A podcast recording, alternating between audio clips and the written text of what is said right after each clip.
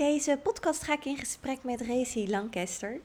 Racy is journalist, ze is yogadocent en auteur van het boek Na de Val. We beginnen deze podcast met een kort momentje waarin we stilstaan bij het boek wat ze geschreven heeft. Een heel bijzonder, rakend verhaal waarin ze op een hele eerlijke wijze omschrijft wat ze heeft doorgemaakt nadat haar vader zichzelf van het leven heeft beroofd. In een eerdere podcast hoorde ik Racy daarover vertellen. En daarin benoemde ze heel kort dat yoga haar ontzettend heeft geholpen in het verwerkingsproces. En dat herkende ik zo. Ik, ik ben zelf nooit een ouder verloren, maar wel veel meegemaakt, ook in mijn jeugd. En yoga heeft daarin zoveel heling gebracht. Ehm, ja, ik denk dat heling het juiste woord is. Het heeft me rust gebracht, het heeft me acceptatie gebracht. Maar het heeft me vooral ook teruggebracht bij wie ik ben, wie ik wil zijn. Wat mijn diepere verlangens zijn, mijn onderliggende drijfveren. En het heeft me laten zien dat alles wat er in mijn binnenwereld zit, aan emoties, aan gedachten, aan angsten, dat het allemaal niet zo groot is op het moment dat ik het toelaat, dat ik het leer voelen. Mijn yoga practice is in de, is de eerste jaren echt één groot gevecht met mezelf geweest. Een en al verzet voor alles wat ik tegenkwam, wat ik voelde, wat ik, ja, wat ik niet kon ook vooral. En in de loop der jaren ben ik mezelf wat meer gaan aankijken op de mat. Ben ik bewuster gaan kijken naar wat ik aan het doen was en waarom ik dat aan het doen was. En dat heeft me zo'n enorme schat aan persoonlijke ontwikkeling opgeleverd. En nou, die haat-liefdesverhouding met yoga, die is er nog steeds wel een beetje. Want als ik niet zo lekker in mijn vel zit, dan weet ik exact wat er gaat gebeuren wanneer ik de mat opstap. Maar ik weet ook hoe nodig dat is en hoeveel stappen me dat weer verder gaat brengen in het hele proces. Nou, voor Rezi is dat niet heel veel anders. Nou, op de mat is zij ook een hoop levenslessen geleerd. Ze is zichzelf tegengekomen. Ze is emoties tegengekomen. Maar ook zij is als mens zo enorm gegroeid daardoor. En op de podcast die we opnamen, dat is eigenlijk geen interview geworden. Het is echt een gesprek waarin we op hele open, eerlijke wijze met elkaar delen wat we tegenkomen op de mat, wat we voelen, wat we ervaren, wat het ons brengt, waar onze uitdagingen liggen, welke angsten er nog leven. En, nou, ik denk dat een heleboel yogis, maar ook mensen die niet aan yoga doen, daar herkenning in gaan vinden. En nou, ik denk dat het ook een mooie uitnodiging is voor degenen die geen yoga-ervaring hebben om eens de mat op te stappen, om te gaan onderzoeken wat het je kan brengen. Ik ga het hier nu bij laten. Ga vooral luisteren, uh, beleven. En voel je vrij, voel je welkom om ooit bij een van ons de lessen in te stappen. Bij Racy kan dat in Amsterdam, bij mij kan dat in Rijswijk. We ontmoeten je graag om onze passie, onze liefde voor yoga met je te delen. Ik wens je voor nu heel veel luisterplezier toe. En ik hoor graag wat je van de podcast vond.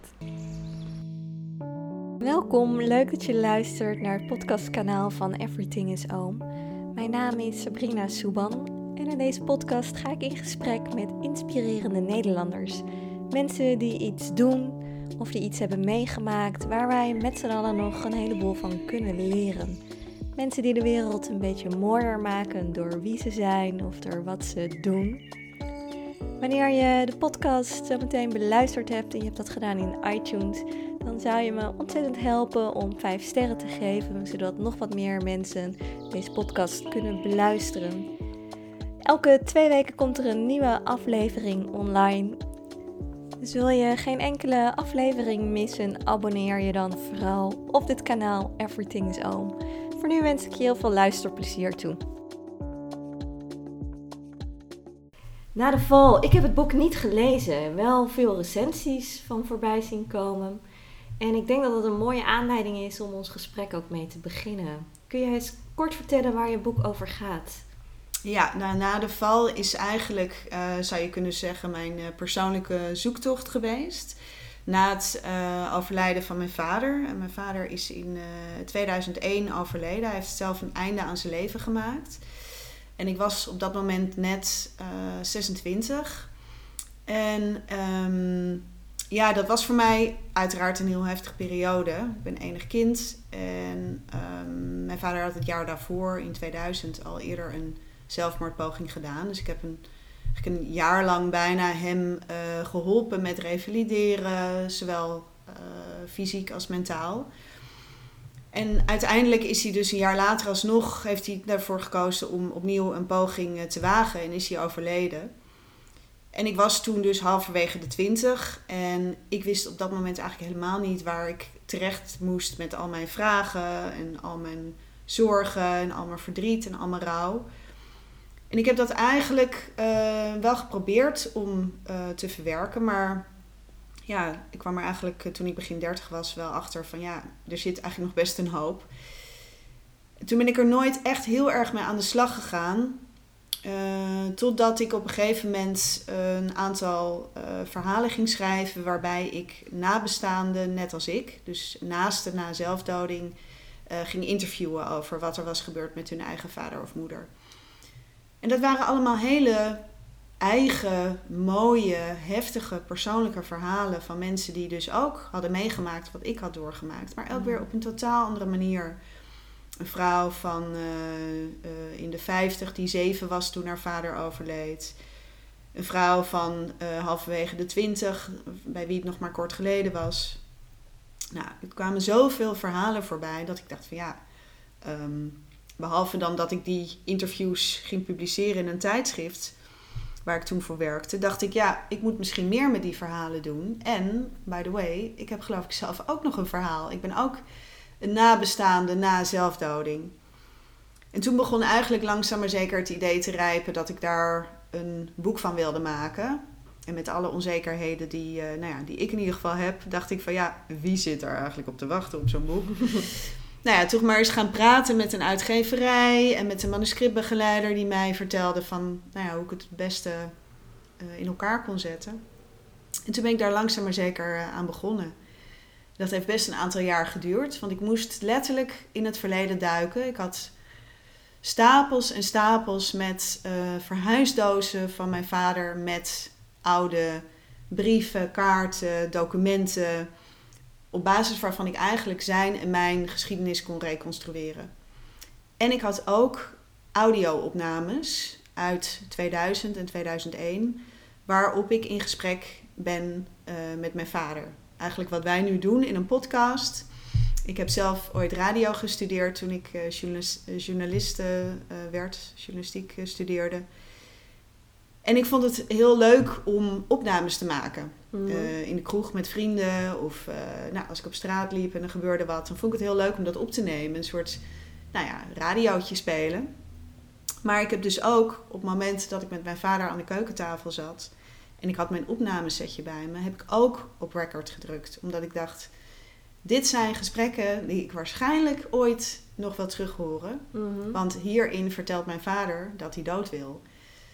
En dat waren gesprekken die ik op dat moment bijna niet kon bevatten, omdat die woorden gewoon, in ieder geval bij mij, nauwelijks doordrongen. Mm. Ja, wat, wat, wat, wat moet je ermee als iemand dat tegen je zegt? Ik wil, ik wil eigenlijk dood.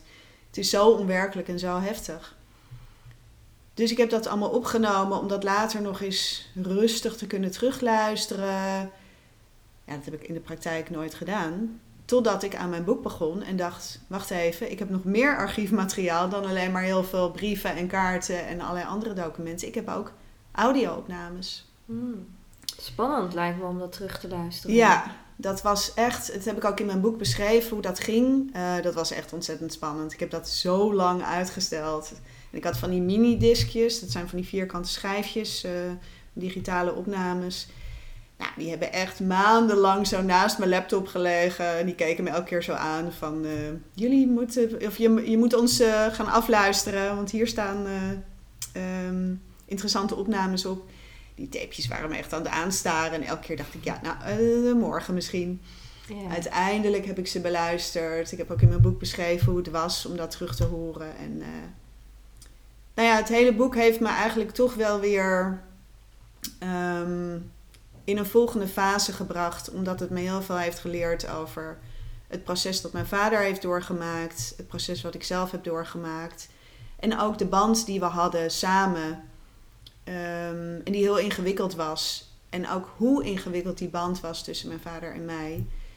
Dat heb ik eigenlijk door het reconstrueren van ons verhaal, heb ik dat helderder gekregen. Je gaat meer van een afstandje kijken.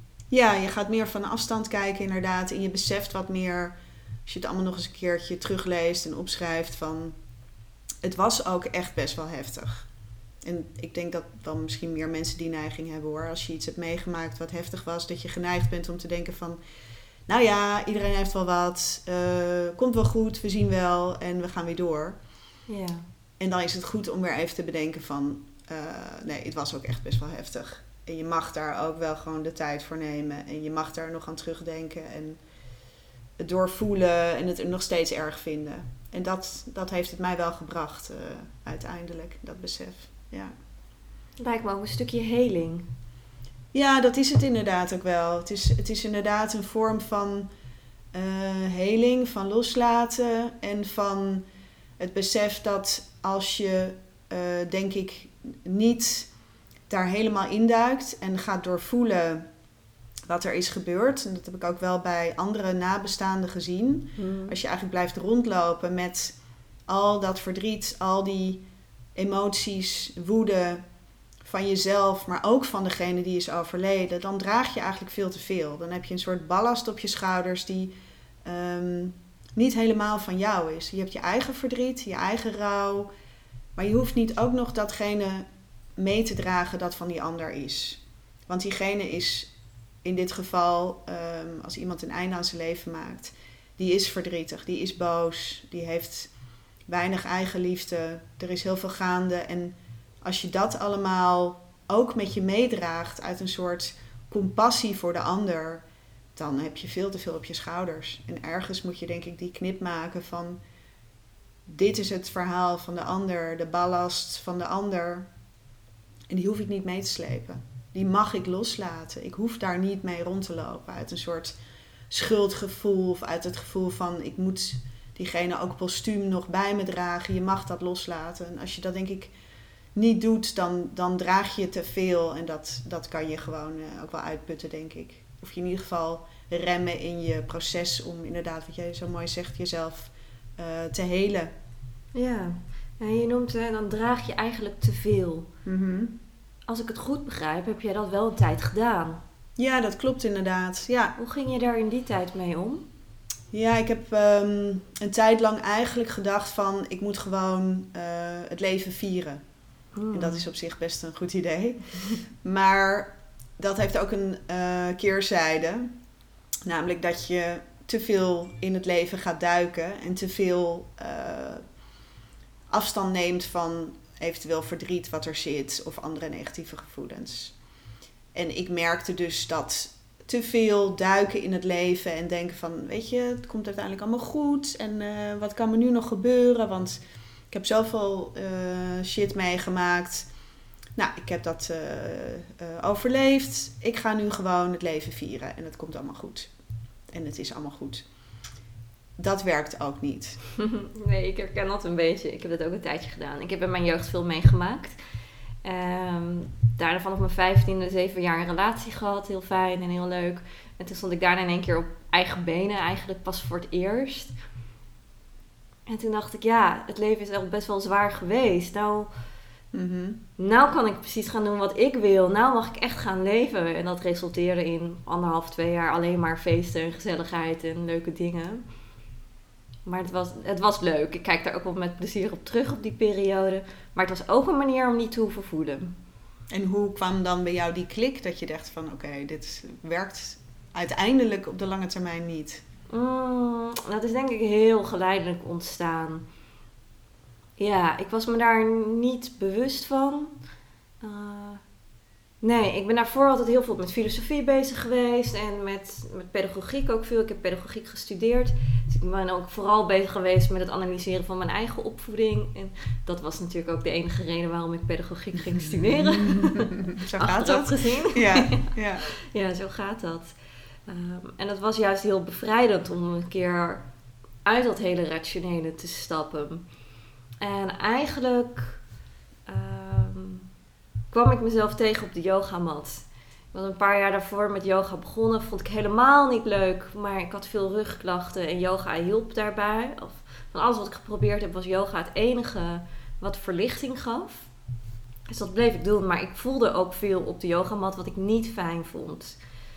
Uh, dus dat, dat werd een beetje een haat-liefdesverhouding. Mm. Ik ging de mat op om de rugklachten te verminderen. En daarna vluchtte ik er weer zo snel mogelijk vanaf. En ik ging pas weer terug op het moment dat ik weer last kreeg van mijn rug. En daar is langzaam zo een beetje het inzicht ontstaan van er gebeurt veel in mij. En ik vlucht daar een beetje door weg. Door leuk elk weekend op de bar te staan dansen. en wat gebeurde er dan die mat? Want dat was denk ik dan vooral uh, mentaal en emotioneel waar je van wegvluchtte. Niet het fysieke. Ook. Nee, het begon met het fysieke. Ja. Ik heb nooit gesport. Ik was altijd bij een gymles het meisje wat als laatste werd gekozen. Mm. En alleen maar omdat ik gekozen mm. moest worden. Dus dan zag je van die lange gezichten van... Oh, Sabrina zit bij ons in het team. Nou, dan weet je het wel. Ja. Zo ging ja. dat. Dus toen ik van middelbare school afging, heb ik eigenlijk nooit meer gesport. Totdat mijn fysiotherapeut zei: mm. ja, die rugklachten van je zullen nooit weggaan. Maar op het moment dat je zorgt dat je lijf sterk genoeg is, dan zal het wellicht iets verminderen. Dus nou, noodgedwongen ging ik wat doen. Ik begon met Pilates, dat werd uiteindelijk yoga. Ehm, maar ja, ik kon dus helemaal niks in die les. Ik was veruit de jongste in die les en waar iedereen met gemak zijn been omhoog strekte, dacht ik alleen maar, ja, maar hoe dan? Dus daar begint de frustratie al en het ego. Ja, ja, En heel veel heupopeners met name, die mm. heel erg op emoties inwerken. Ja. Nou, die vond ik echt vreemd. Mijn lijf wilde niet openen. Hmm, hmm. Dus het was in eerste instantie de fysieke pijn waarmee ik werd geconfronteerd. Van dit voelt onnatuurlijk, dit is niet fijn. Maar dan tegelijkertijd ook ergens het aangeleerde gedrag van ja, wat je wordt opgedragen, dat doe je maar gewoon. Hmm. Dus toch in die houding blijven. Ja, ja. En dan kwamen de emoties. Ja, dan komt dat gevecht met jezelf inderdaad. Ja. Ja. Inderdaad, zeg je, kent het. nou, ik moet even terugdenken aan de periode dat ik begon met de Mysore. Dus dat mhm. is het uh, zeg maar zelf doen van de Ashtanga practice. Ik weet niet of je dat ooit hebt uitgeprobeerd. Ja, heel traditioneel, heel streng. Precies, het is eigenlijk een heel strenge vorm van yoga. Maar bij Mysore um, heb je in feite geen teacher. Het is geen geleide les. Je doet het gewoon allemaal zelf. In je eigen tempo. En er loopt alleen een docent rond die er nou ja, voor zorgt dat je niet je nek breekt en zo. Wat op zich ook heel handig is. Ehm, maar wat ik me herinner van bijvoorbeeld mijn periode in India, dan ging je elke ochtend, zes dagen in de week, ging je je Mysore practice doen. Dus elke ochtend ben je, nou ja, eh, anderhalf tot twee uur op de mat bezig. En wat er allemaal loskomt dan, dat is echt ook wat jij nu beschrijft. Ehm, ik ben relatief uh, sterk en lenig, dat is handig. Mhm. Want dan loop je minder snel tegen blokkades ja, aan. dat scheelt. Dat scheelt iets, maar dan nog heb je altijd houdingen waarvan je denkt: ik wil daar naartoe met mijn lijf. En het lijf zegt gewoon nee. En dat vind ik alleen al fantastisch, want je mind is natuurlijk, zeker in het Westen, onze mind is zo sterk. Wij willen dit. En in de meeste gevallen, als je iets wil, dan ga je het gewoon doen. Dan ga je het kopen, dan ga je het regelen, dan ga je het fixen. Ja, maar alles je, is maakbaar. Alles is maakbaar. Maar als je dat gaat proberen in um, gevecht met je lichaam, dan zegt je lichaam ho. Nou, als je dan toch doorgaat, dan krijg je een blessure. Er knapt iets, er breekt iets. Dus je lichaam is wat dat betreft gewoon veel sterker. En dat heb ik daar echt wel ontdekt. Dat ik een houding had, de prasarita, waarbij je dan met je kruin richting de mat gaat, terwijl je met je benen wijd staat. En je kruin in de ashtanga komt je kruin uiteindelijk op de mat. Dus je leunt, nou ja, je zit te knikken, je kent die houding uh, uiteraard. Dus je leunt helemaal naar voren toe, je kruin komt op de mat. En ik heb jarenlang één centimeter gehad tussen mijn kruin en de mat. En in het begin vond ik dat echt een ding. En op een gegeven moment dacht ik, ja, maar dit is juist je practice. Je mind wordt gewoon gek. Je ego draait over uren. Waarom kan ik niet met mijn kruin op de mat? Ja, omdat je lijf er niet klaar voor is. Gewoon doorgaan. Oh ja, oh ja, dat is de practice ja, dat soort dingen, dat is zo interessant. Ja, je komt jezelf tegen op de mat. Ik zeg ook wel eens in mijn lessen van, het is eigenlijk een soort spiegel van het leven. Wat je op de mat doet, dat is eigenlijk ook altijd wat je in je dagelijks leven laat zien. Ja, ja, precies. Ja. En dat geldt voor jou ook, dus zoals voor ons allemaal. Ja, ja, zeker in die beginjaren ik liep tegen mijn perfectionisme aan. Ik was inderdaad ook gewend dat veel in elk geval maakbaar was. Mhm. Ja. Ja, en daar kon ik dus gewoon niks. Ja, dat was niet helemaal voor mij weggelegd. Nee. En mijn eerste reactie was daarbij om weg te vluchten, omdat het toch te moeilijk voor me was. Mm. Het was blijkbaar iets wat niet voor mij was weggelegd. Hmm. Dat had je ook al met je mind bedacht. Ja, Dit kan ik dus blijkbaar niet. precies. Terwijl yoga natuurlijk echt voor iedereen is. Er is eigenlijk geen wel en niet kunnen. Behalve dan als we met ons ego streven naar een houding. Nou Maar in ja, feite... mijn ego vond er een heleboel van. En die vond in elk geval dat ik dat niet moest doen. Nee, precies, wegwezen hier. Ja. En dat deed ik ook. Ik sloeg de eindontspanning altijd over. Want dat vond ik echt onzin. Oh, echt? Ja. Oh, wat grappig. Ja. Ik vond het echt 10 minuten liggen. In 10 minuten kon ik zoveel andere dingen doen. Oh ja. Ja, Ja. ik werkte gerust 60 uur in de Ja. week. Dan ging ik niet 10 minuten op een yogamat liggen. ja. Het was me echt volslagen onduidelijk waarom je dat zou doen. En wat vond de docent er dan van dat jij wegliep? Want ik, ben, ik heb het één keer meegemaakt in mijn les. Nou, ik was echt in shock. Ik dacht echt van, hè? Hoe kan je dit overslaan?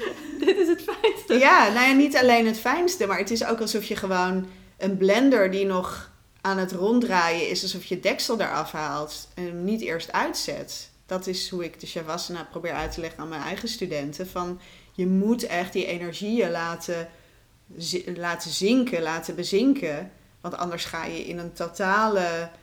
Nou ja, ik zie dan die blender vormen met al die ingrediënten die maar doorgaan. Ja. Daar ga je dan weer die drukke wereld mee in. Dat Een soort van ontploffing die je dan veroorzaakt. Nou, dat je overdreven. Maar ja, het is essentieel. Dus- Mooi hoe je dat zo uitlegt. Ja, zo heeft mijn docent dat in die tijd nooit aan mij uitgelegd. Het was ook iemand die zelf meer een fitness gerelateerde achtergrond had. Ik had ook de vraag gesteld, waarom zeg je namaste eind van zo'n les? Mm. Dat vond ik ook zoiets onbegrijpelijks. Mm, ja. Ik ga niet zeggen waarvan ik niet weet wat het betekent. ja, nou dat vind ik een hele goede insteek. Ja, Ja, nou ja, en dat kwam dus altijd na de eindontspanning. Dus ik dacht, Ja. dat hele stuk, daar heb ik helemaal niks mee. Kom je voor mijn rugklachten effectief doortreffen. Precies, ja. Dus ja, die keek wel de eerste paar keer dat ik dan opstond en dat Mm. ik dan zei, joh, ik heb een andere afspraak. en nou ja, op een gegeven moment was het ook normaal. ja, Ik precies. ging gewoon weg, die Ja. laatste tien minuten. Ja, ja. Ja. Maar ik heb nooit gevraagd van waar is die eindontspanning goed voor. En hij heeft ook nooit eh aanstoot gemaakt om mij uit te leggen wat, Mm. daar, eh, Mm. wat daar het Mm. idee van was. Dus ik had Ja. geen idee. ja. Grappig Ja. is dat, hè, hoe dat werkt. Ik kan het me ook nog herinneren van meditatie, hoor. Dat ik echt dacht van, hoe lang gaan we dan op zo'n mat zitten en dan niks doen? Waarom dan? Ja, de- die mind werd ook gek. Ze van, ja, maar er zijn nog lijstjes af te werken en er zijn dingen te doen. En nou ja, ik heb nu wel dat als ik daarop terugkijk, en dan hebben we het echt wel over meer dan tien jaar geleden, dat ik denk, oh ja, zo eh, dacht ik er toen over. En dat zou, dat heb jij waarschijnlijk ook, dat je denkt, ik kan bijna niet meer voorstellen dat ik er zo rationeel in stond toen. Nee. Nee, het lijkt echt een ander leven. Ja, Want hoe is jouw yoga practice ooit begonnen? Hoe is dat ontstaan? Ja, ik denk dat ik ergens zo eind 20, begin 30 wel voelde van misschien eh, wil ik iets meer andere dingen dan alleen maar eh, fitness en body shape lesjes. Want dat Mhm. heb ik altijd gedaan sinds ik, eh, nou weet ik veel, 15, 16 eh, ben. En ik kan me nog vaag herinneren dat ik ooit bij, volgens mij de Roos in Amsterdam, een yogalesje volgde. Ja. En dat was toen een van de weinigen die dat aanbood. En dat was toen nog echt wel een klein beetje geitenwolle sokken. Zo herinner ik het me in ieder geval. En dat vond ik toen ook als twintiger. Dat ik dacht van ja, maar mensen liggen hier te snurken. En dan laten ze iemand een wind. En het is allemaal een beetje... Het ruikt hier raar. Nou, dat was dan waarschijnlijk wierook. En mensen hebben allemaal van die grote sokken aan. En nou, ik vond het gewoon niet zo cool als ik in mijn eigen sportschool eh, om me heen zag. Dus dat vond ik al een beetje gek. Dus ik denk dat ik het toen wel weer even heb losgelaten. Totdat ik een paar jaar later met vrienden op vakantie was in Frankrijk. En een vriendin van mij die had een uh, Dru-yoga opleiding uh, gedaan. Mhm. En Dru is die hele zachte, beetje vloeiende vorm van yoga. En zij zei op een gegeven moment tegen ons van... Nou, zal ik jullie een, uh, morgen eens een yogalesje geven? En dat is er uiteindelijk nooit van gekomen. Want we waren elke ochtend eigenlijk veel te moe. En elke avond stonden we dan, uh, nou ja, wat je net al zei, bij wijze van spreken op de bar te dansen. Dus die yogales is er nooit van gekomen. Maar het feit dat je tegen een groep vrienden kunt zeggen, of tegen een groep mensen kunt zeggen: Zal ik jullie iets geven? Zal ik jullie yoga geven. Ik dacht, dat lijkt me cool. Want op dat moment werkte ik al heel lang als journalist. En ik dacht, ja, wat, wat kan ik eigenlijk behalve schrijven, uh, weet ik veel, uh, projecten coördineren. Wat kan ik mensen eigenlijk geven? Ik ben geen kooktalent, ik kan geen gitaar spelen. Um, maar iemand een les geven, dat lijkt me cool. Dus ik ben eigenlijk toen ik weer terug was in uh, Nederland, ben ik gaan zoeken naar een opleiding. Ik dacht, het lijkt me nou echt leuk om iets te doen met mijn lijf. Net anders dan al die fitness die ik uh, ken. Mhm. Ik heb nog even overwogen van moet ik dan iets van fitnessinstructrice worden. Maar dat was een wereld waar ik me ook niet thuis voelde. Dat, dat voelde veel te veel als dat soort van Amerikaanse met zo'n headset op voor een grote groep van hi guys. Ik dacht Ja. nee, het, het, het moet wel iets zachter dan dat zijn en iets ingetogener zijn dan dat. Nou, het kwam toch elke keer dan weer uit bij die yoga. En toen ben ik eigenlijk een teacher training gaan doen in Utrecht. Die op dat moment gewoon, nou ja, die, die was beschikbaar. Daar kon ik naartoe. Dat was eh, een aantal weekenden achter elkaar. En ik weet nog dat ik op die mat stond en dat we iets van een warrior pose deden met onze armen. Dus warrior 2 met onze armen zo uitgestrekt. En dat ik echt vol fascinatie mijn arm voelde en naar mijn vingers keek. En dacht, nou, ik heb nog nooit op dit niveau mijn lijf ervaren. Dat ik voel hoe mijn schouders zich bewegen. Dat ik voel hoe mijn vingers zijn. Dat ik, nou, dus ik, ik was gewoon helemaal een soort van vol van mezelf Mhm. op een goede manier. Dat ik dacht van, wat gebeurt er allemaal in dit lijf? Duizend en één spiertjes die ik nooit had gevoeld, waarvan ik niet wist dat ze er zaten. Eh, ademhaling, waarvan ik eigenlijk nooit bewust had bedacht van hoe adem ik? Welke vormen van ademhaling zijn er? Dus ik kreeg ook alle pranayama oefeningen. Meditatie. eh, nou ja, er ging echt een wereld voor me open. Ik dacht echt van, oh ja, dit vind ik echt heel cool. Dus aan de ene kant het hele eh, praktische van hoe werkt een lijf. Mhm. Welke spieren heb je, welke botten heb je. Je parasympathisch zenuwstelsel, je sympathisch zenuwstelsel. En aan de andere kant dat hele spirituele pad. Met Ja. de hele filosofie en de geschiedenis erachter. Had je daar al iets mee? Of is dat toen ook pas ontstaan? Het is eigenlijk toen ontstaan. Het was echt alsof er gewoon een, een, nou ja, eh, een heel nieuw hoofdstuk open ging in mijn leven. En ik echt dacht van ja, maar dit vind ik interessant. Het is niet te technisch, dus niet alleen maar spieren en eh, botten. Dat heb ik wel altijd interessant gevonden, omdat ik altijd heb gesport. Het was niet zo droog als wat ik me voorstelde bij fysiotherapieopleiding, wat ik ook wel eens Mhm. heb overwogen. Maar het was ook niet alleen maar filosofie en ehm, eh, alles op dat vlak. Het was een combinatie. En dat kon gewoon samengaan. En dan hadden we ook nog de psychische effecten, de psychologische kant van het geheel. En je grenzen tegenkomen. En, en dat mocht ik dan ook nog eens een keer gaan overbrengen aan andere mensen. Ik dacht, nou, Ja. dit is wel echt te gek. Dus eigenlijk vanaf dat moment, zo'n ruim tien jaar geleden, dacht ik van ja, ik, eh, ik wil hiermee doorgaan. Dit is het. Ja. dit is iets waar ik zeker mee verder wil. Ja. ja, en dan is er opeens, dat weet je natuurlijk ook wel, een wereld aan opleidingen, cursussen, retreats. Mhm. En elke keer kom je weer een stapje verder en denk je, oh, dit is gaaf. Nou, dan ga je je daar weer in verdiepen. En ja, dat, eh, dat is gewoon nog steeds een eindeloze eh, ontdekkingstocht eigenlijk. Wat Ja. is vooralsnog de mooiste of de meest waardevolle les die yoga jou heeft geleerd? Ja, dat is eh, natuurlijk een onmogelijke vraag. ik ga hem dadelijk ook aan jou stellen. ik krijg hem terug. Er is één zin, en die noem ik ook in mijn boek, ehm, die me wel veel heeft gebracht. En in mijn boek noem ik die zin omdat ehm, die van pas kwam op het moment dat ik ontdekte dat ik met alleen maar feesten en heel hard roepen dat het leven fantastisch was en dat het nu allemaal goed was, dat ik er daar niet echt mee kwam. Maar dat ik moest gaan leren om te doorvoelen wat zich in me afspeelde. En dat zijn drie simpele woorden en dat is sit with it. Hmm. En dat heeft een eh, Zweedse yogadocent ehm mij ooit in een van de vele retreats die ik bij hem heb gevolgd eh, geleerd. Zitten en voelen. En iedereen die veel aan yoga doet, die zegt ja, I know. Maar als je dat voor het eerst ervaart, dan is dat zoiets krachtigs dat je mag zijn met wat er op dat moment zich aandient. Dat je niet hoeft te gaan fixen, dat je niet hoeft te gaan oplossen, dat je zelfs niet hoeft te gaan snappen wat er gebeurt. Dat je er mee zit. En ik was, nou zoals veel mensen, altijd geneigd om, als ik me dan, weet ik veel, dan was ik in mijn eentje thuis en dan voelde ik me niet lekker. Nou, dan ging ik me eerst zorgen maken. Oh jee, ik voel me niet lekker. Mijn vader heeft natuurlijk veel depressies gehad en heeft uiteindelijk voor het eind van zijn leven gekozen. Dus bij alles wat zich aandiende aan ik voel me niet lekker, was het van, oh, nou, dat moet ik gaan oplossen. Dan gaan we iets leuks doen, dan gaan we shoppen, dan gaan we chocola eten. We gaan alles doen om dit gevoel uh, snel de kop in te drukken. En op een gegeven moment dacht ik, ja, wat gebeurt er nou als ik ermee ga zitten? En daar hadden we het net ook al eventjes voor de, voor de uitzending over. Dat het dan vaak veel sneller verdwijnt. Want je bent niet die bal onder water aan het houden. Maar je laat hem gewoon naar boven komen. En dan lost dat gevoel veel sneller op. Ja. En dat heb ik toen ook wel ontdekt. Sit with it. Laat het maar even helemaal door je heen razen. En dat kan gepaard gaan met tranen of met paniek.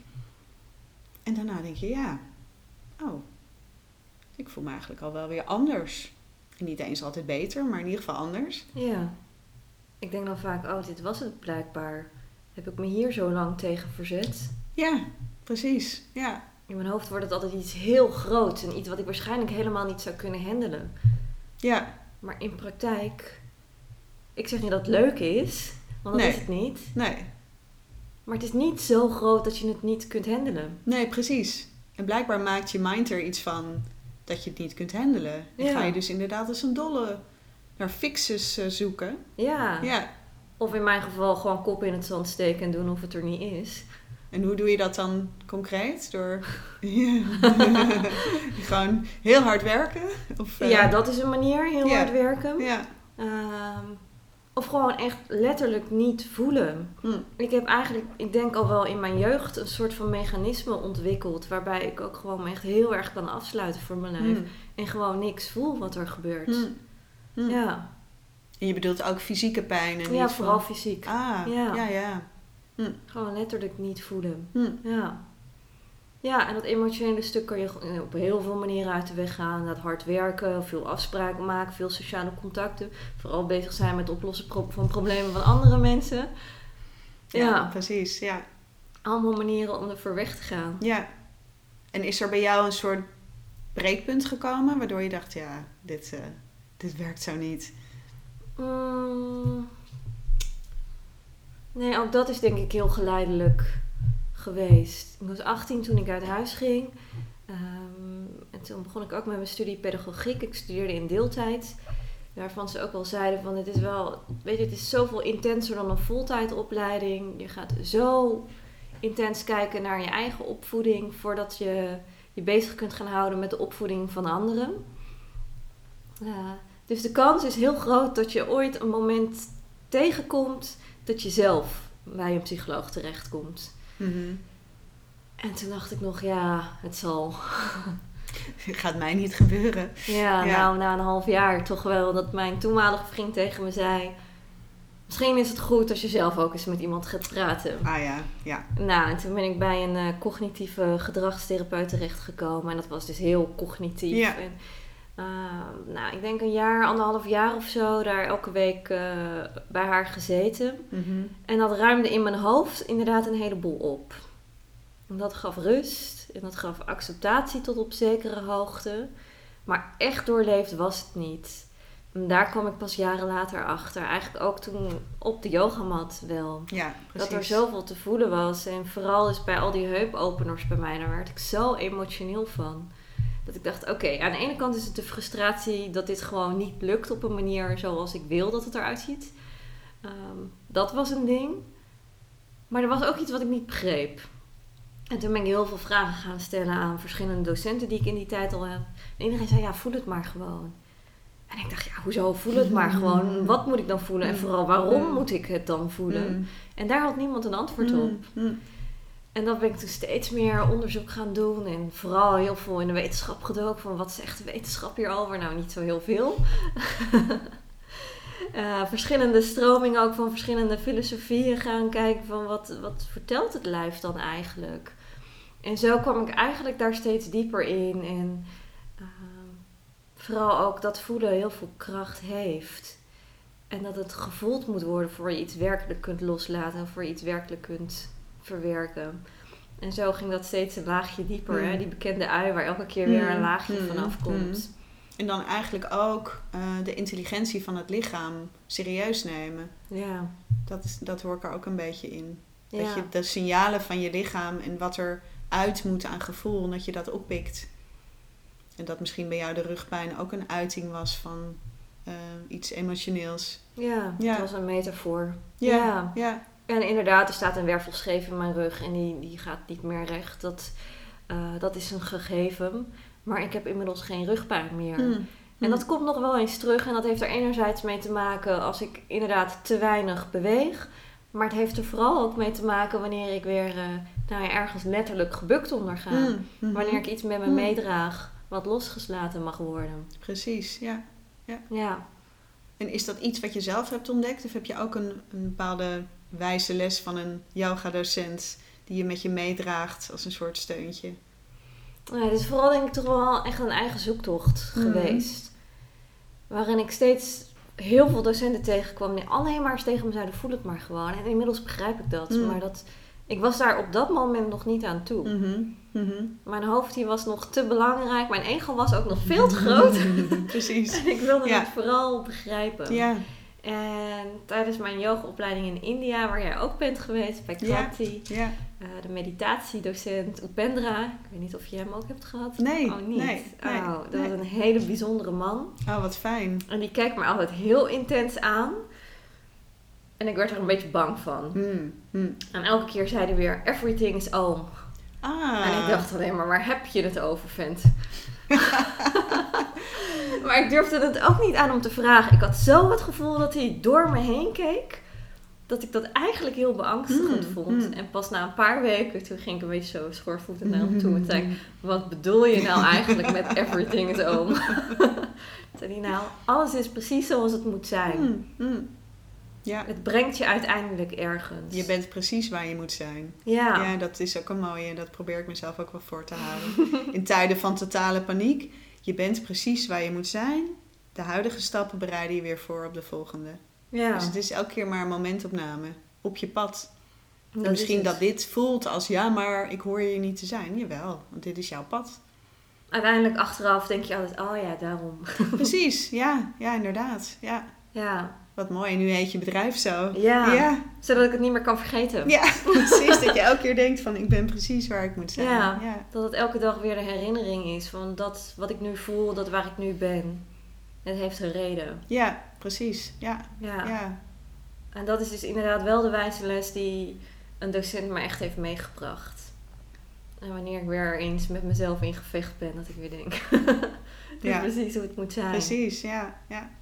Ja. wat ik ook zo mooi vind, is dat bij jou denk ik ook de uh, soort van het, het, het uh, afdalen van het, van het brein, het cognitieve en het denken en het alles willen snappen richting het voelen en dus het lijf, dat je dat ook hebt doorvoeld. Dat je, dat je daar naartoe bent afgedaald. En ik kwam er op een gegeven moment ook achter dat er een soort vertrouwensband moet ontstaan tussen uh, jezelf en je lijf als je yoga gaat doen. Dat je op je lijf moet vertrouwen, maar dat je um, lijf ook op jou moet vertrouwen. En zeker in houdingen die best wel spannend zijn, dat er een soort van um, eigenlijk dialoog ontstaat tussen je lijf en jezelf. Dat als je lijf ergens aanvoelt van dit gaat niet um, de goede kant op, dan verkrampt het. Mhm. En als je zelf het gevoel hebt van ik durf dit eigenlijk niet, dan geef je, jezelf, dan geef je je lichaam ook niet dat vertrouwen mee. Dus het moet een soort van interactie zijn.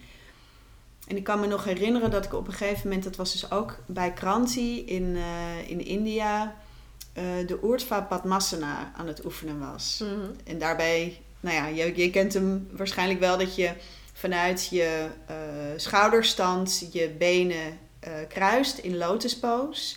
En dan met je handen je knieën ondersteunt. Dus je zit eigenlijk gewoon in de lotuspose, maar dan op zijn kop. Dus oertva. En je moet dus eigenlijk je knieën omlaag brengen, maar jezelf wel opvangen met je handen. Want anders dan butsen je knieën uh, nou ja, uh, in je gezicht. En dan rol je om. En ik weet nog dat het me echt, nou ja, voor mijn gevoel weken heeft gekost. En ik zie nog steeds voor me hoe die yoga-docent dan over me heen gebogen stond. En dan zo door die ruimte die er was tussen mijn gekruiste benen, zo door mijn lotuspose heen, zag ik dat hoofdje van die, uh, van die docenten. En die was me aan het helpen met niet omrollen. En op een gegeven moment besefte ik, ik kan mezelf gewoon opvangen. Ik ben er voor mezelf. Als ik mijn armen maar gestrekt houd, ik hou mijn handen open, mijn knieën vallen in mijn handen. En ik hou mezelf gewoon vast. Ik ben er voor mezelf. Nou, dat was echt zo'n krachtige ervaring dat ik dacht, ik vang mezelf gewoon op. Mhm. En ja, die pose is op dat moment ontstaan. En sindsdien gaat hij eigenlijk heel makkelijk. Is het gewoon flop flop en ik vang mezelf op. En dat zijn hele mooie ontwikkelingen die je eigenlijk en uh, geestelijk en fysiek tegelijkertijd doormaakt. En daarmee kom je weer een stapje verder bij jezelf eigenlijk. Ontdek je weer wat meer van, oh ja, ik kan gewoon thuiskomen bij mezelf. Ik kan mezelf opvangen. Ik ben er voor mezelf als het moeilijk is. Als ik op zijn kop in de lotuspoos sta, dan nog vang ik mezelf op. Mooi. Ja, ja, het zijn mooie, nou ja, van die kleine breakthroughs. eh, Ja. ja. Ja, ik vind het ook heel mooi hoe je dit zo symbolisch uitlegt. Het is namelijk een houding die, het was een van de weinige Ashtanga houdingen die bij mij vanaf dag één een soort van moeiteloos. Oh ja? Ja. Oh, grappig, ja. Hoe dat verschilt, ja. Nou ja, dat dan inderdaad. Ja, maar hoe dat dus ook altijd wel weer iets laat zien van hoe je toch een beetje in je leven staat. Ja, Ik had ergens altijd al dat oervertrouwen van ik draag mezelf wel, niemand anders gaat dat voor me doen. ja, En ik heb nooit zo naar die houding gekeken dat dat inderdaad gaat over jezelf ondersteunen en jezelf dragen. Hmm. Bij ja. mij zat altijd het probleem, of nog steeds wel hoor, in, in de houdingen die gaan over overgave en over loslaten. ja, ja. Dat, dat herken ik ook. Wat voor houdingen zijn dat bij jou dan? Nou, de vlinder bijvoorbeeld, met voetzolen tegen elkaar aan als je je knieën naar buiten laat, eh, laat vallen. Mhm. Nou, dat is enerzijds fysiek een beetje te verklaren door scheefstand in mijn heupgewricht. Uh, maar het is vooral loslaten. Want hoe harder je jezelf daarin gaat duwen, Ja, hoe minder er gebeurt. ja, precies. Hoe meer verkramping er is. Ja, En dus hoe lastiger. Ja. En ook het accepteren dat je, zeker, nou ja, ehm, ook niet elke dag op dezelfde manier in die houding komt. Dat Ja. je je ook weer laat verrassen door je lichaam. Soms ben je gewoon opener en losser. Nou ja, alleen al vanwege de temperatuur. Ik bedoel, in India Ja. ging het wel vaak Makkelijker. omdat het gewoon warm is. En dat je dat maar gewoon accepteert. Ook weer sit with it. Ja. Hoe voelt je lichaam? Nou, dit is het nu, klaar. ja, Ja. acceptatie is het inderdaad. Nou, Ja. acceptatie is niet mijn kracht. is ook niet mijn kracht, Nee. nee. ik moest ook denken aan een ehm, eh, retreat wat ik ooit heb gevolgd bij eh Kino McGregor. Ja. Zij is natuurlijk, eh, nou ja... Dat is die dame die zichzelf in allerlei hoeken kan vouwen en Ja. die daar wel een beetje onbekend staat. Zeker, toch? ja. ja, inderdaad. Als je haar googelt, Kino Yoga, nou ja, zij is echt een van de, zeker in de Ashtanga-wereld, een van de allerbekendste yogis. En ik vond haar altijd echt zo- zo'n all-American girl met hi guys. Maar Mhm. goed, ik heb een paar keer een retreat van haar gevolgd en ik vind haar echt super goed. Ook heel spiritueel. Ehm, en zij leerde mij op een gegeven moment het verschil tussen eh, je overgeven aan iets in het leven. Dus eigenlijk waar we het net over hadden, het loslaten en het, nou ja, de overgave. En het opgeven. En dat was eigenlijk iets wat ik, dat is ook alweer jaren geleden, omdat ik me realiseerde dat ik eigenlijk dat onderscheid niet echt maakte voor mezelf. Dat ik dacht, als ik het loslaat, accepteer en me overgeef, dan geef ik op. En dat kan niet, want er gaan dingen mis in het leven. Zoals mijn Mhm. vader is overleden. Of nou ja, wat iedereen misschien wel een beetje heeft van de neiging om eh, controle te willen houden over dingen. En toen dacht ik, ja, maar je mag je wel overgeven aan iets. Je mag wel loslaten. Je mag wel accepteren wat er gebeurt. Dat wil niet zeggen dat je het allemaal opgeeft. En dat je het uit je handen laat vallen. En dat soort subtiele verschillen, die heeft zij me wel geleerd. Dat, dat zijn hele mooie dingen. Ze noemde dat in het Sanskriet aan de ene kant eh, eh, abhaya, dus to surrender. En aan de andere kant abhyasa, de effort die je doet om iets te willen eh, bereiken. Hmm. En dat je daar eigenlijk een soort balans tussen moet vinden. Dus aan de ene kant je best doen en aan de andere kant loslaten en je overgeven. Ja, dat, dat zijn hele waardevolle dingen om bij jezelf te gaan achterhalen van... Is dat in balans? Ja. In het dagelijks leven ook. Ja. Is dat bij jou in balans? Totaal. Oh, ja. oh heerlijk. Kijk, fijn hè? Ja, zo kan het ook gaan. Nou, reden genoeg om aan yoga te gaan doen. Precies, ja. Nee, dat is echt eh, een, eh, ik denk wel een dagelijkse struggle. En de struggle is misschien een te groot woord, maar het is wel iets wat ik mezelf elke keer weer moet eh, vertellen. En ik moet zeggen dat, nou ja, as we speak zitten we nog steeds in de nadagen van de coronatijd. En ehm, hebben natuurlijk ehm, zeker nou ja, een maand of twee maanden van een soort van lockdown gehad. Dat is wel Ehm, nou ja, zoals voor veel mensen ook de ultieme training en overgave. Van er kan gewoon heel veel niet. Mhm. En hoe ga je daarmee om? En dat heeft me toch uiteindelijk wel heel erg gesterkt in dat ik eh, daar beter mee kan omgaan dan ik van tevoren dacht. En dat ik veel makkelijker nu dan eigenlijk voor de coronatijd mijn agenda kan leegvegen. Kan denken, nou, ik heb niks gepland vandaag. En het wordt wel een fijne dag. In plaats van, oh, ik heb niks gepland. Ik ga, nou, daar komt de to-do-lijst van duizend Ja. dingen. Je kunt ook een dag gewoon leeg beginnen en kijken wat zich aandient. Als je eventjes de krant leest, dat je denkt, oh ja, ik heb eigenlijk wel zin om dat te doen. Of oh, ik wil die bellen of die mailen. Of oh, ik wil eigenlijk nu even lekker een yogalesje volgen. Gewoon meeveren met wat zich aandient. In plaats van als een slaaf je eigen lijst afwerken. Ja, dat zijn best wel eh, waardevolle dingen geweest voor mij. Ja. En daar ben ik nu eigenlijk mee aan het, aan het oefenen voor mezelf. Van hoe voelt dat? Wanneer is er onrust? Wanneer is er een soort van acceptatie en overgave? Ja, dat is heel leuk om een beetje mee te spelen met jezelf. Vooral als je, nou ja, vind ik, je kern stevig eh, op orde hebt. Dan weet je dat je nooit echt uit de bocht vliegt. Dan kan je af en toe denken, oh, maar nu verveel ik me. Of nu doe ik te veel of te weinig. Maar je kunt altijd weer terugkeren bij jezelf. Dus je weet van, nou ja, oké, het is een beetje nu een chaos vandaag. Of ik heb te veel gedaan of te weinig. Is allemaal niet zo erg. Het komt allemaal wel weer goed. Morgen weer een dag. Geen paniek, geen drama. Ja, dat is, dat is wel fijn om dat te Ja. weten. Het is eigenlijk een beetje yoga in het dagelijks leven. Ja, eigenlijk wel ja. Ja, eigenlijk gewoon in de praktijk brengen wat je op de mat oefent. Ja. meeveren met wat zich aandient. Precies wat jij zegt. Op het moment dat je in een houding komt en je merkt van, oh nee, het gaat even niet. Ja, hoe ga je daarmee om? Laat je dat los? Ga je jezelf forceren? Eh, nou ja, op de mat met alle blessures die, die daarbij eh, kunnen komen kijken. Hoe ga je om met, met wat, er, wat er zich aandient op een dag? Ja. Ja, dat heb ik ook ontdekt op de mat. Dat, het, dat mijn drukdoenerij soms ook een manier was om de leegte niet te hoeven voelen. Ja, Want dan heb je inderdaad een keer een lege agenda. Ja, dan ga je in één keer voelen. Want dan komt er van alles op je af wat je normaal gesproken uit de weg kunt gaan. ja. Ja, En hoe ga jij daar nu mee om? Als je, bedoel, plan je af en toe lege dagen? Of, of hoe ga je om met, met, met een lege agenda of met lege dagen? ja met de leegte aan zich. Ja, met leegte. Hoe ga je om met leegte? Ja, Ehm, ik plan bewust vrije dagen. Ook echt helemaal voor mezelf. En soms vind ik dat fantastisch. Als ik lekker in mijn vel zit, dan, eh, dan ga ik precies doen waar ik zin in heb. Dan eh, de ene keer is dat lekker een strandwandeling maken. En dan ergens wat eten bij een strandtent. Allemaal alleen. Vind ik heerlijk. Maar ja, soms zit je iets minder lekker in je vel. Dat hoeft helemaal niet iets heel groots te zijn. Soms dan zijn dat gewoon hormonen die een beetje uit balans zijn. Mhm.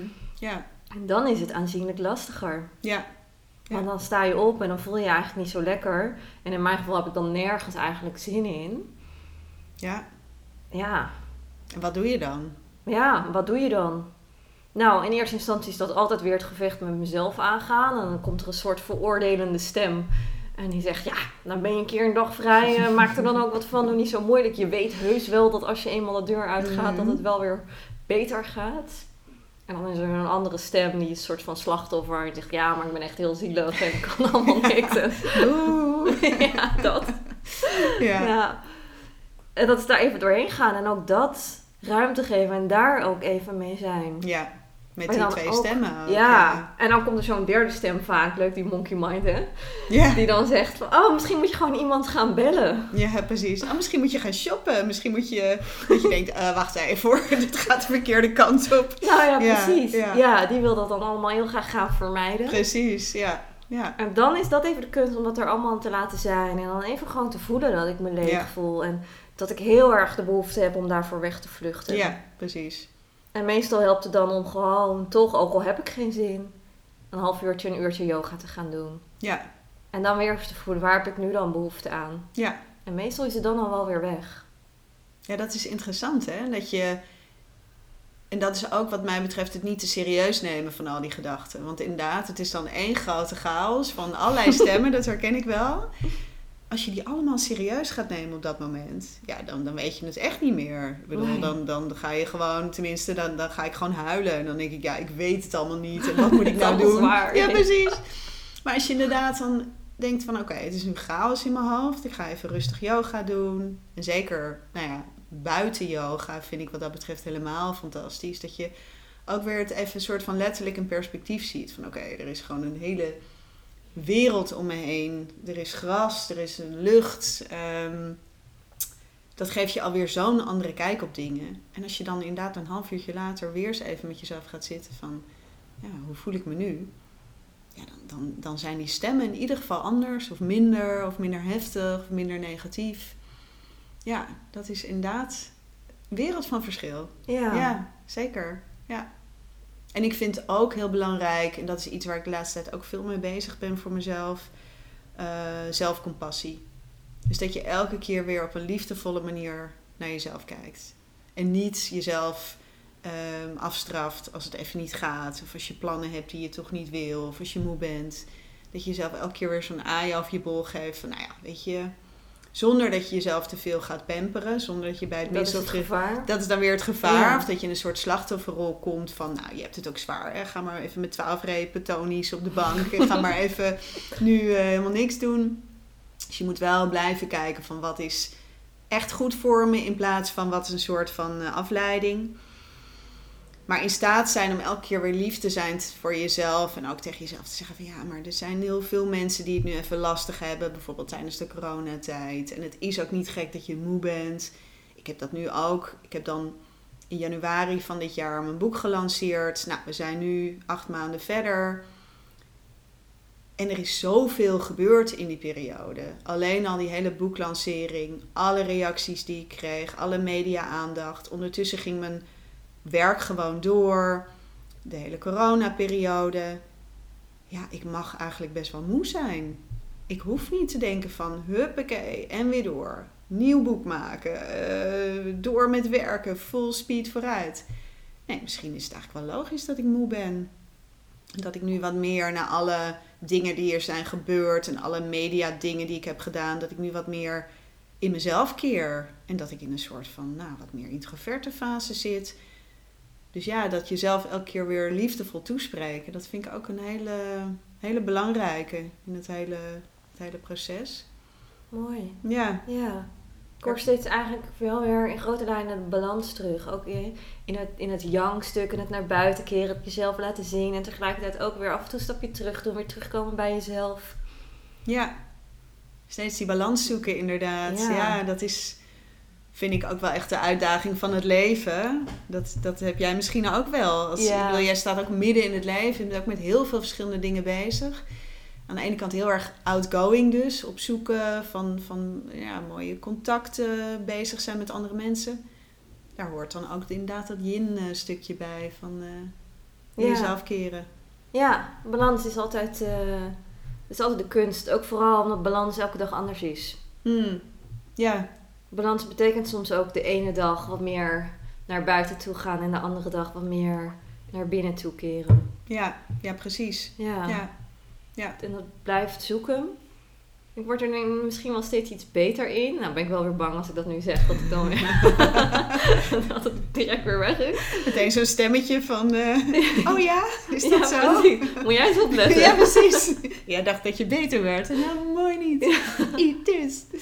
Maar ja, ik ken mijn eigen voorliefde om door te slaan naar uiterste. Mm, mhm. Dat geeft me soms ook wel heel erg het gevoel dat ik leef. Ja, dat herken ik, ja. Ja, Ja. ja. En ik weet dat daar mijn valkuil in zit. En Mm. dat ik dat best wel kan doen, maar dat ik dat niet te lang moet doen. ja. En krijg je dan signalen van bijvoorbeeld je lijf of eh, op emotioneel vlak als je merkt van je schiet in het een of het ander te veel door? Ehm, ja, ik merk dat ik dan niet zo lekker in mezelf vel zit en niet zo goed weet waarom dan. Mm. Omdat ik dan heel rationeel kan benoemen wat er allemaal zo leuk is in mijn leven. Dan, dan Mm. denk ik, ja, Ik voel het even niet. ja, maar gaat het dan mis? Maar dan zit het er toch in dat de balans weg is. Mhm. Dat ik dan Mhm. of te veel helemaal me teruggetrokken, eh, te veel heb teruggetrokken met mezelf, of te veel bezig ben met alles in de buitenwereld. Ja, En te veel aan het geven ben, en te veel de gezelligheid alleen maar aan het opzoeken ben. precies. Ja, ja, Ja. inderdaad. Ja, ja. ja, het doet me ook denken aan een periode in mijn leven dat ik inderdaad heel erg in die yang-modus zat. En dat ik bijvoorbeeld ook heel erg dat de hele tijd stimuleerde door op mijn werk toen nog ehm, ook bijvoorbeeld heel veel koffie te drinken. Mm. Van die simpele dingen die je dan elke keer weer, nou ja, een kopje koffie geeft je weer even een boost. En dat ik toen, en dat is ook echt alweer best lang geleden, eigenlijk niet het onderscheid zag tussen een soort van kunstmatige energie en echte zielsenergie. En dat ik dus het idee had van, nou, ik heb veel energie, ik ben hard aan het werk. Maar eigenlijk is dat een soort adrenaline, cortisol, bijna stressgedreven energie. Ja. En pas toen ik echt in die yoga ging duiken. Nou ja, bij al die retreats en zo. Nou, de koffie is gewoon heel ver te zoeken. Dus dan Mm. moet je het opeens met thee doen. Nou, toen kwam ik echt achter van... Ik ben eigenlijk super moe. En ik heb echt op een soort kunstmatige energie geleefd. En ik moet die nu ergens anders uit gaan halen. En dan ga je dus ontdekken van... Ja, als je jezelf voedt op een andere manier... Met eh, minder stress en met meer zelfliefde en met meer slaap en met meer meditatie en met meer hele rustige yoga oefeningen, dan ontstaat er ook energie. Maar die is niet zo yang en niet zo hard als, nou ja, door bijvoorbeeld koffie. Mm. Dus zo ontdek je ook een beetje van hoe je energie, eh, hoe je die gebruikt en hoe je die aanwendt. Eh, ja, Mooi. het zijn ook wel leerzame dingen, vind ik. Ja. ja. Allemaal zelfonderzoek. zeker. Ja. Ja. precies. Nou ja, dat is yoga natuurlijk. eh. Ja, het is niet anders dan dat. Het is Ja. één groot, ja, één grote ontdekkingstocht op, op zoek naar jezelf, denk ik, hè? Ja. Zou je de luisteraars daar als afsluiting nog iets in willen meegeven? Die ook zoekende zijn naar wie ze nou eigenlijk zijn. Ja, ik denk dat als je begint aan je yogapad, ehm ik zie het ook wel bij mensen die ik echt de allereerste soort van grondbeginselen van yoga bijbreng, dan denk ik dat het heel belangrijk is dat je, ja, kom ik toch weer uit bij die zelfcompassie en zelfliefde, dat je echt op een hele milde manier naar jezelf blijft kijken. En vooral met heel veel interesse. En dat je elke keer als je bij jezelf ontdekt dat je jezelf eigenlijk afserveert of afstraft, dat je dat opmerkt en dat je dat niet ook weer afserveert. Dus op het moment dat je een bepaalde houding niet kunt, als je merkt dat je, nou ja, ik had ooit bijvoorbeeld dat ik elke keer in slaap viel tijdens een meditatie. Gewoon terwijl ik zat. Gewoon midden op de dag.